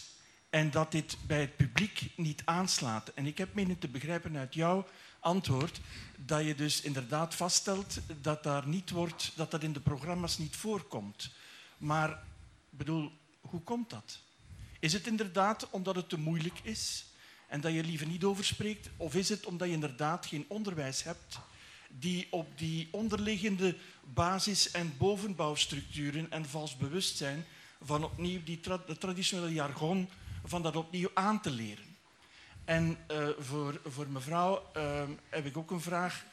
Uh, die identiteitskwestie, dat is belangrijk, ook in een, in een marxistische of in een sociale progressieve beweging. Maar ik heb toch de indruk dat dit afleidt van de, wat ik inderdaad, van, naar mijn mening, de echte problematiek noem, mm die, die Ewald net aansneed. En ik heb twee Belgische voorbeelden, als ik mag. Eén, Liever niet. Ja, we kort. nu al drie vragen voor de prijs van één, dus we gaan het hierbij houden. Goed, dan laat ik het Eh, daarbij. Dan laat ik het daarbij. ben je een marxist? Ik ben eh, sterk geïnspireerd door het eh, werk van Marx en zijn analyse over de werkingwijze van het kapitalisme en hoe dat eh, eh, arbeid en, en, en, planeet, milieu uitbuit. Ik zou mezelf eerder een, een mar- marxistisch Weberiaan noemen dan louter marxist, omdat ik het klassenbegrip wat je in navolging van Weber dan weer kan eh, ontwikkelen, net iets eh, gedetailleerder en specifieker vind dan, dan bij Marx. Maar ja, inderdaad een enorme inspiratiebron. Mark, hoe komt het dat we in die sociaal-democratische programma's zo weinig antwoorden lezen op de socio-economische vragen die Ewald voorop schuift? Ik denk dat het voornamelijk te maken heeft eh, dan over de verdeeldheid die eh, links binnen Europa kenmerkt. Dat als u gaat kijken van wat de verschillende nationale partijen als eh, voor, oplossingen naar voren eh, schuiven, die staan zo haaks op elkaar dat je eigenlijk daar geen actie op Europees niveau eh, naar voorschijn krijgt. En dat je dan partijen krijgt die op een deel cruciale zaken, zoals de bankhervorming, eigenlijk aan bloedarmoede leiden. Ook omdat je de Belgische banksector niet kunt hervormen. Je moet de Europese banksector hervormen. Een Nederlandse bank kan je ook niet hervormen. Dat je moet op, op, Euro- minstens op Europees vlak eh, gaan doen. Misschien nog een aanvullende vraag. Wie moet die, die Europese mars leiden? Zijn dat dan de Duitse sociaaldemocraten? De, waar kijk je dan naar? Want dat soort beweging heeft vaak een, iemand nodig die het voortouw Ik zie op dit moment niemand. Dat is eh duidelijk antwoord. Ja. Dat is inderdaad een heel duidelijk antwoord. Warda, jij krijgt toch opnieuw het verwijt. Uw verwijt is straf uitgedrukt, maar de bedenking dat de focus op identiteit, daar komen we toch altijd op terug, ja, dreigt af te leiden van wat al die mensen aan de onderkant bindt, namelijk eenzelfde klasse lot. Ja, ik vind het opmerkelijk dat, dat u de woorden gebruikte, de echte problemen. En ehm, ja, ik, het is ook niet als scheldwoord bedoeld, maar het is wel een typische opmerking van een witte man. Want ik denk als je, als je nog nooit een, een, een, een job of een, of een woning bent geweigerd geweest omdat je een makak bent, of, om, of als je nog nooit bang bent geweest om s'avonds na een feestje alleen op straat naar huis te lopen. eh, of omdat je niet durft met je vriend of vriendin van hetzelfde geslacht te kussen op straat zonder dat je misschien wel klappen gaat krijgen. Ja, dan blijft inderdaad klasse je enige probleem. Dus ik vind het, ik vind het geen goed idee om het, in, om het op die manier ehm, te hebben over de echte problemen, want het is voor iedereen anders. Oké, Dat is heel goed. nog veel vragen zie ik. Hiervoor. Misschien, eh, Xander, moet je even de weg zoeken naar hier. Dank u. Eh, ik kan het niet zo mooi formuleren als jullie, dus eh, ik hoop dat ik het tot een goed einde breng.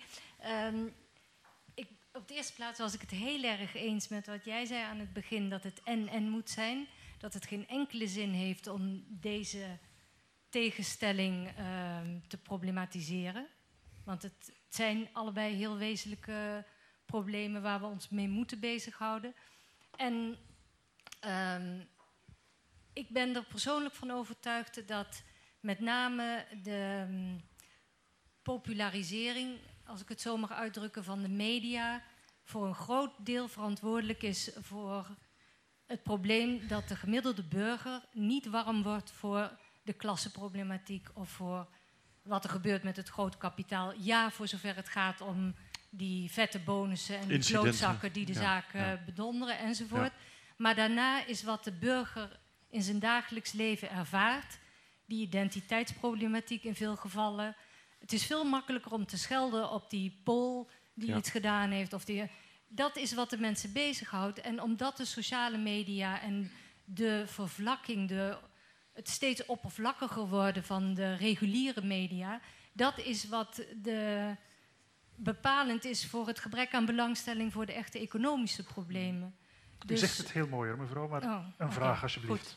Ja, de, de vraag is dus of ja, wat je kunt doen aan, voor alle drie de sprekers, wat je kunt doen aan het bestrijden van die oppervlakkigheid. Mensen moeten hun mening kunnen geven, maar als dit het gevolg is dat er geen serieuze discussies meer zijn, of in ieder geval niet waar de brede maatschappij bij betrokken is, ja, dan is het vechten tegen de bierkaai. Nee, ik ben het daar helemaal mee eens. Ik bedoel, ik denk dat een deel van het eh, antwoord op de oorzaken van deze crisis ook eh, te maken hebben met, met, met, met de manier waarop we ons kennissysteem hebben ingericht. Ik bedoel, we hebben een, eh, aan de ene kant hebben we dus door die mondialisering van kapitaal hebben we mondiale waardeketens of productieketens gekregen die ons als consument eigenlijk niet meer in staat stellen om te achterhalen of de omstandigheden waaronder de goederen die wij consumeren wel sociaal of duurzaam geproduceerd zijn. Die ketens zelf zijn volkomen ondoorzichtig. Allerlei verschillende jurisdicties, de aansturing ervan is verspreid over allerlei rare plekken. Waardoor wij, als wij mondig consument willen zijn, die dus sociale en duurzaamheidseisen serieus neemt, we dus al ontzettend veel kennis moeten hebben over waar bijvoorbeeld allemaal niet duurzaam geproduceerde palmolie in zit, om maar een dwarsstraat te noemen. En dan kan je dus ook omkeren. Hè. We hebben een samenleving gecreëerd waarin ehm, de kennis die nodig is om te snappen wat er gebeurt, heel erg groot geworden is. En tegelijkertijd de beschikbaarheid van die kennis heel erg klein geworden is. Want het gaat niet alleen maar om de commercialisering van de media, waarbij het alleen maar gaat om clickbait. Het gaat om het hier en het nu. Er zit geen collectief geheugen meer in. De gedachte dat er een geschiedenis is achter een bepaald politiek besluit is eigenlijk weggevaagd. Maar het zit ook bij de opleiding van journalisten. Het zit bij de opleiding van burgers. Het zit bij de wijze waarop wij onze universiteiten aan het inrichten zijn. In Nederland is 70 tot 80 procent van de universitaire stu- studenten is alleen maar bezig met een beroepsopleiding. Doen bestuurskunde, doen bedrijfseconomie en doen rechten. Dat is alles wat ze doen. Om maar zo hoog mogelijk op die arbeidsmarkt terecht te komen. Ook dat nog een keer, ja, absoluut. En dat betekent dus dat de mensen die over de cognitieve vermogens beschikken om radicale systeemkritiek te formuleren op onze samenleving, ja, dat is heel erg beperkt geworden. En dat betekent dus ook dat de journalist die de stukjes schrijft, ja, die heeft ook die cognitieve expertise niet meer. Dus waar moet dan de kennis vandaan komen die burgers nodig hebben om kritische burgers en stemmers te worden, kritische consumenten te worden? Nou, dat is een levensge... Hè, een steeds ingewikkelder wordende samenleving en steeds minder adequate kennis die je in staat stelt om die ingewikkelde samenleving daadwerkelijk te analyseren. En dan heb je meteen met die, de banken, het bankensector. De bankensector is zo ingewikkeld. Dat zelfs de bankier, die kent alleen maar iets van de markt waarop hij handelt. Hij verhandelt verpakte hypotheekproducten. Hij weet iets van verpakte hypotheekproducten. Hij heeft geen flauw benul van wat er gebeurt met Griekse staatsobligaties. Dat is een andere afdeling. En die praten niet met elkaar. En dan heb je een bestuursvoorzitter die kijkt alleen maar naar hele grove risicomaateenheden voor zijn hele bank. En dat is het. Dus hoe moet je in zo'n soort samenleving iets van radicale systeemkritiek formuleren? Nou, we hebben een hele ander kennisstelsel nodig. We moeten met z'n allen weer, wat is het, politieke economie à la Marx gaan bestuderen.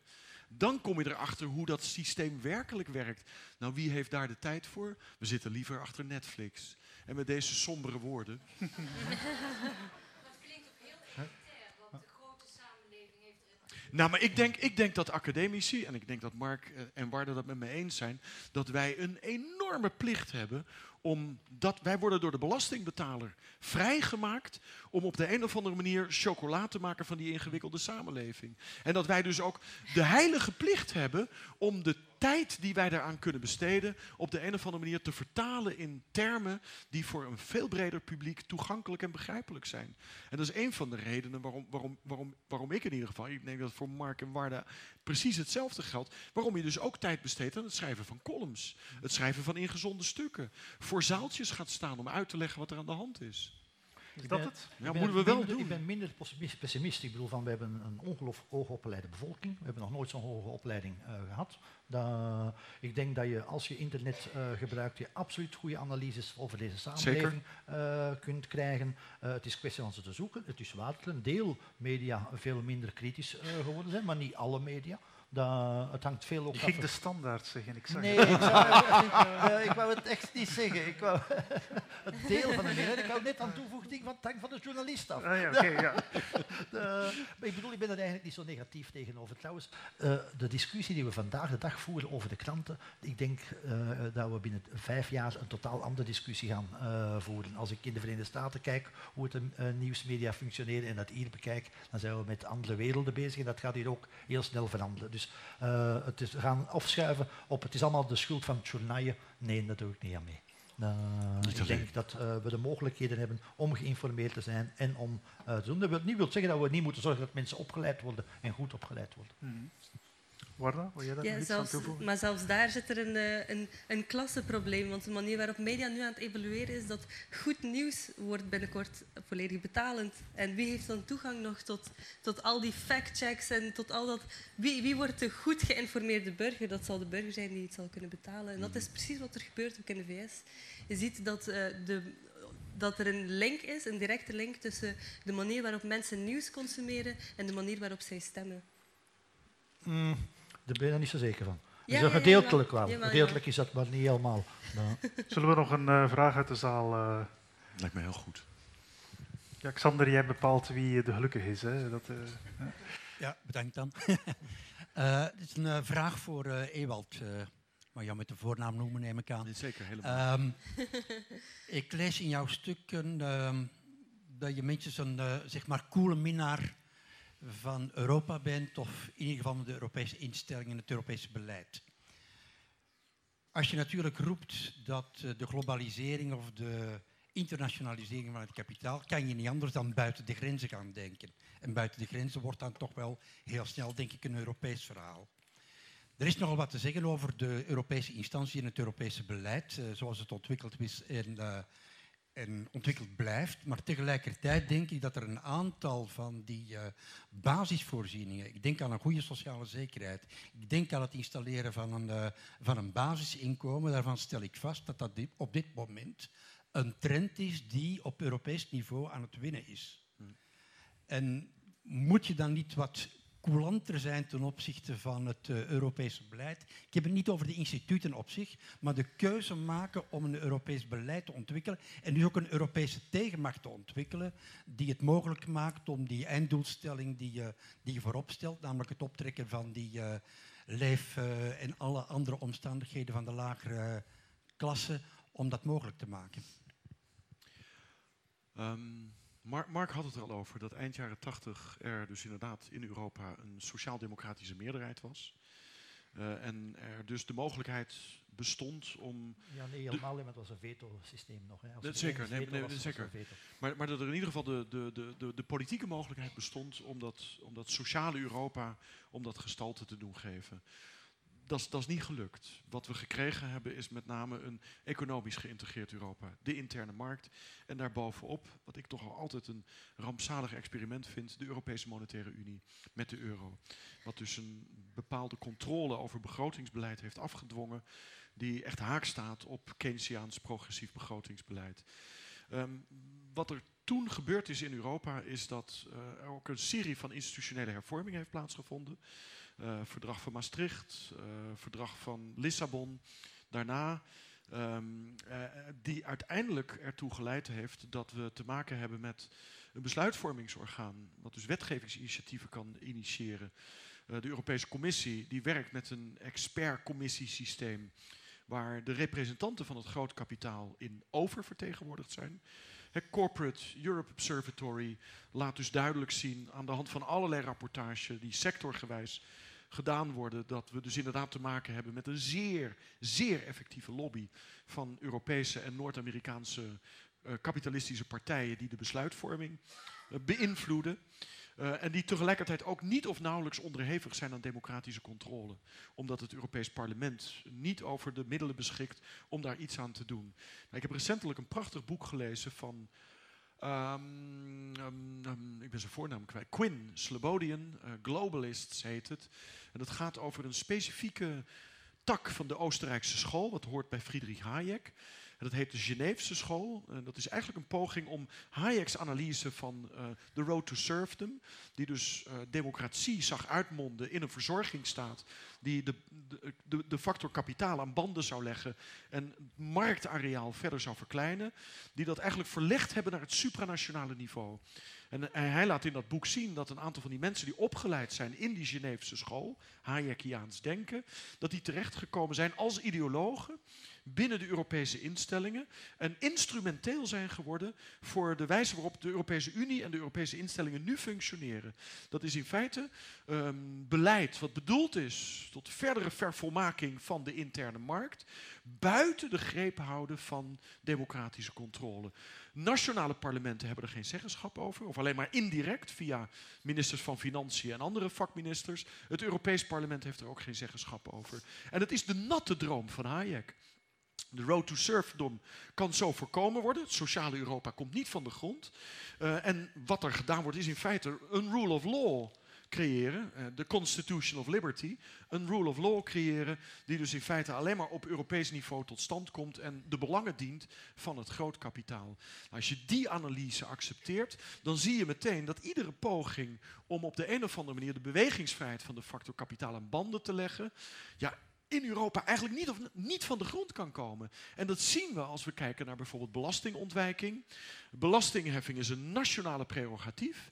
Gaat Europa niet over. De Europese Commissie kan wel ministers bij elkaar brengen om daar uh, vrijwillig tot onderlinge afspraken te komen. Dat doen ze. Maar zodra het harde wetgeving gaat worden, zijn er al die nationale veto's. En we weten uit geheime verslagen, die gelekt worden af en toe, dat België, Nederland, Luxemburg, Ierland, alles op dat gebied blokkeert.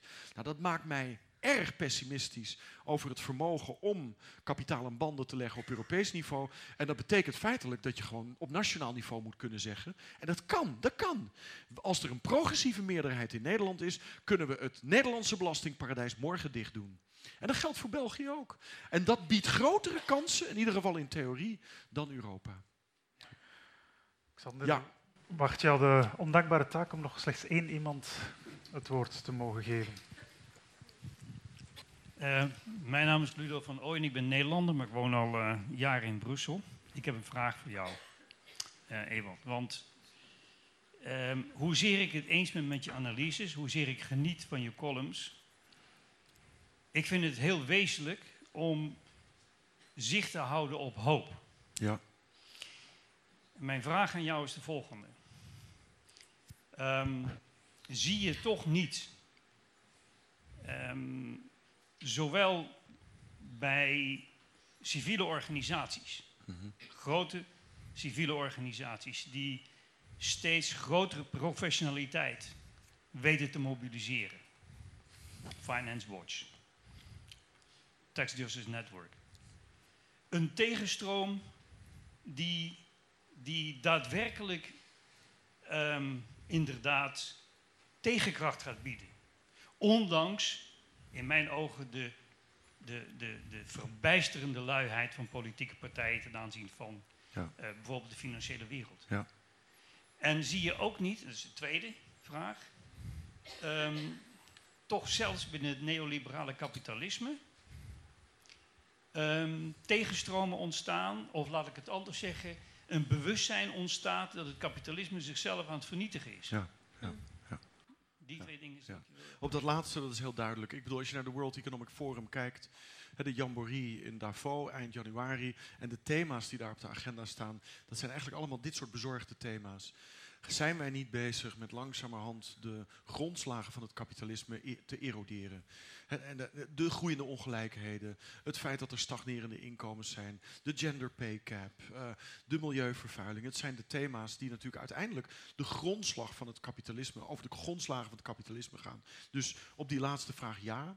En het tweede, in feite het eerste, ja, ik, ik, kan niet anders dan antwoorden met een, met, een, met, een, een Belgische metafoor. Jullie kennen natuurlijk allemaal Suske en Wiske.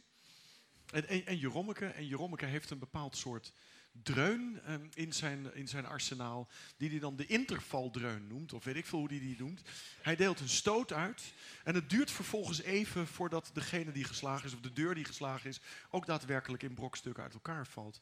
Ik heb op hoopvolle momenten het idee dat inderdaad het mondiale kapitalistische stelsel uh, door 2008 en alles wat er sinds die tijd gebeurd is, zijn ideologische legitimatie kwijtgeraakt is. En dat er dus allerlei breuklijnen door dat systeem lopen, die in feite wachten op ja, het uit elkaar vallen. En dat, dat, ik, zie met name dus, ik bedoel, ik ben, ben, ben zelf een, met name een criticus geweest van die financiële sector.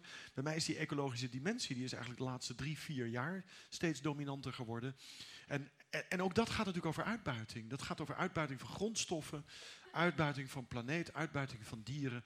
En, en, en het zou wel eens zo kunnen zijn dat die sociale uitbuiting uh, en het uh, politiseren daarvan, dat gaat volgen op de uitbuiting van onze planeet. En ik vind daarom ook wat er hier in Brussel en in andere uh, Belgische steden gebeurt, waarbij gele hesjes, groene hesjes en rode hesjes gezamenlijk kunnen gaan optrekken tegen lakse politiek die uh, in feite gegijzeld is door dat groot kapitaal en daarmee natuurlijk toch op de een of andere manier de stappen kunnen gaan zetten naar een economische orde die, die sociaal is en die duurzaam is en die dus ook dichterbij is, dat dat wel eens hier zou kunnen gaan beginnen.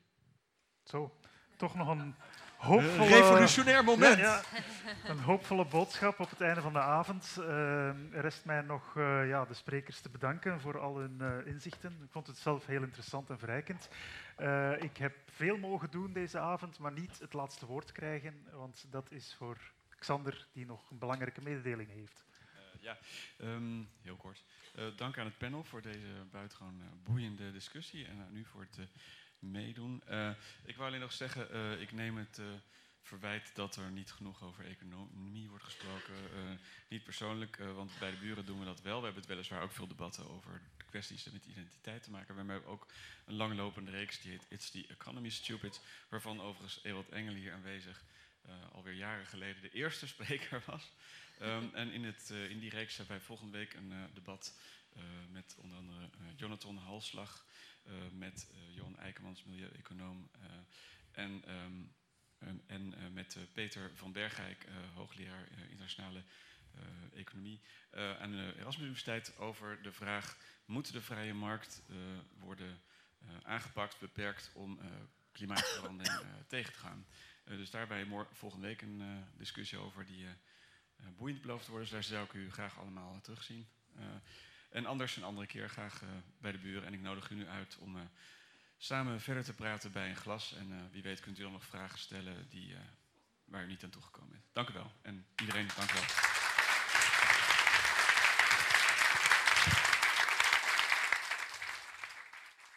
Je luisterde naar een podcast van De Buren, het Vlaams-Nederlands Huis voor Cultuur en Debat. Benieuwd naar ons literaire aanbod? Luister dan ook naar radioboeken, citybooks en andere audioverhalen. Ontdek ons podiumprogramma en al onze digitale producties op www.deburen.eu.